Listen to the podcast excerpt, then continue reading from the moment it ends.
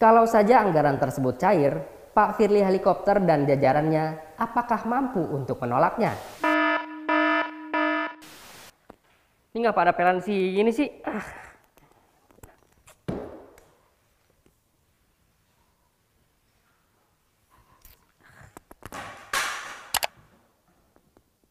Selamat datang di Berita Buru-Buru, terdepan dalam mengobarkan. Bersama saya, Mr. Kece. Membahas kejadian terkini dengan buru-buru, sehingga Anda harus mencari referensi lain. Berita pertama datang dari calon Presiden Amerika Serikat, Joe Biden, tapi bukan Taslim.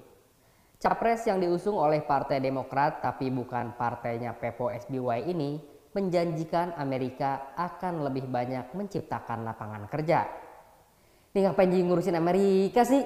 Skor TOEFL aja sama kayak gua, 20. Next. Berita selanjutnya datang dari Kukong alias kursi kosong.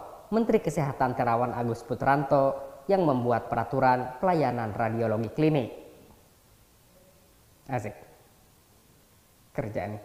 Dalam aturan disebutkan pelayanan X-ray dan USG yang termasuk dalam bagian radiologi wajib dilakukan oleh dokter spesialis radiologi Aturan ini serta-merta diprotes para rekan sejawat dokter karena dianggap menganak-emaskan radiologi, bidang yang menjadi spesialisasi Pak Menteri.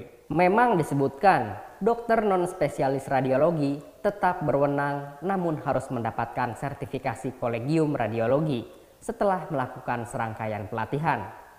Bagi kami rakjel alias rakyat jelata yang suka ngantuk kalau mendengar pelajaran biologi waktu sekolah SMP, tentu berpikir ini baik-baik saja. Tapi bagaimana opini kolega dokter lain soal peraturan Terawan ini? Kami sarankan kepada asosiasi dokter yang protes kepada Menteri Terawan, makanya berkuasa dong. Lagian, ada-ada aja protes ke orang yang susah ditemuin. Cuma bikin kalian keki kayak mayoritas rakyat Indonesia. Ya rakyat lu Jo, gua nggak keki ya. Kita ke berita selanjutnya. Di tengah COVID-19 muncul kabar duka. Pesta pernikahan Atta Halilintar dan Aurel Hermansyah yang rencananya digelar di Gelora Bung Karno terpaksa batal. Youtuber paling goblok. Pesta pernikahan yang megah ini terpaksa batal diadakan pada tahun ini. Ditunda hingga waktu yang belum ditentukan.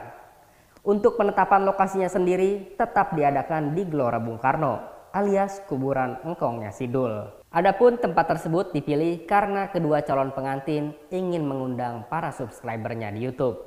Wis, gue diundang dong berarti. Terbayang sudah saat resepsi tersebut diselenggarakan, akan banyak tamu hadir dengan memakai pakaian motif kotak-kotak catur dihiasi poni lempar berwarna pirang. Namun jika menghitung kapasitas stadion yang hanya mampu menampung sekitar 78.000 orang, tentu stadion GBK tidak akan muat untuk seluruh subscribers Atta yang kini mencapai 25,8 juta. Memang jauh dari demo angka-angka cantik yang dihadiri oleh 7 juta orang. Kami sarankan keluarga besar Halilintar dan Anang Hijau untuk menyewa satu wilayah tingkat kelurahan. Jangan nanggung-nanggung. Lumayan. Jadi contoh pendukung gerakan UMKM dan menggerakkan sektor jasa dan kuliner. Karena subscribers kamu juga butuh makan. Kita beralih ke berita selanjutnya. 20 Oktober 2020 saat video ini tayang, kalau tidak ada perubahan, kalau editornya tidak males, akan terjadi demo dari aliansi buruh kepada pemerintah. Hari ini dipilih karena bertepatan dengan satu tahun dilantiknya Pak D dan Pak Yai. Selama setahunan ya Pak D, Pak Yai, ulang tahun malah di demo. Menurut Nining Elitos dari Ketua Konfederasi Kongres Aliansi Serikat Buruh Indonesia atau KASBI, demo yang katanya besar-besaran ini sebagai bentuk penyampaian aspirasi mosi tidak percaya kepada Pak D dan wakilnya yang sering AFK.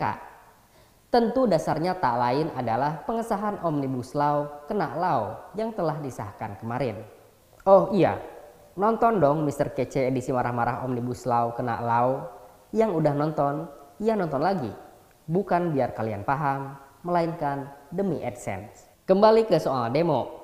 Sepertinya aksi ini akan seperti aksi-aksi sebelumnya, karena tikum yang disediakan aparat hanyalah di depan gedung Sabta Pesona atau patung kuda Arjuna Wiwaha. Tikum apaan, Cok? Titik kumpul. Oh, yang main Starling itu ya?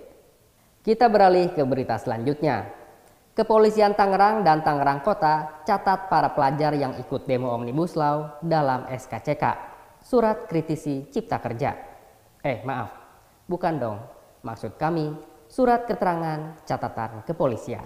Kapolresta Tangerang, Kombes Pol Ade Arisyam Indardi mengatakan, SKCK akan terus terbawa hingga pelajar itu melanjutkan sekolah sampai mencari kerja. Dengan begitu, para pelajar yang ikut menyuarakan aspirasinya terancam sulit dapat kerja. Gak apa-apa, masih bisa jadi koruptor. Yang patut dipertanyakan adalah apakah tindakan kepolisian itu bertentangan dengan Undang-Undang Cipta Kerja? Sebab Alih-alih mempermudah masyarakat untuk mendapat kerja, SKCK tersebut justru mempersulit mereka mendapat pekerjaan. Masa tega sama DPR yang udah rumusin Omnibus Law kena law sampai tengah malam. Tapi karena hal ini dilakukan untuk mencegah anarkisme, kami yakin langkah kepolisian tidak salah. Yang salah adalah Kang Bajigur. Udah tahu air butek, malah dijual. Maaf, lawakan lama. Mari kita lanjutkan ke berita terhangat. Pejabat Komisi Pemberantasan Korupsi mulai tahun 2021 akan mendapatkan tunjangan mobil dinas. Anggaran ini baru muncul pertama kali sejak komisi yang paling galak memberantas praktik korupsi ini berdiri. PLT juru bicara KPK Ali Fikri yang bukan Febri Diansyah lagi hanya menyebut anggaran tersebut sudah mendapatkan persetujuan DPR. Mungkin ini bagian dari amanat Undang-Undang KPK versi revisi yang banyak ahamnya itu. Benar saja, menurut mantan pimpinan KPK Busromu Kodas, anggaran yang dikabarkan berjumlah 5 miliar rupiah itu menjadi melunturkan kode etik KPK. Bahkan sudah ada ketentuan tidak boleh ada kendaraan dinas, rumah dinas, ataupun fasilitas lain sejak komisi ini hadir tahun 2003 menjadi hal yang wajar dan patut dipertanyakan karena gaji pimpinan KPK saja sudah gede banget.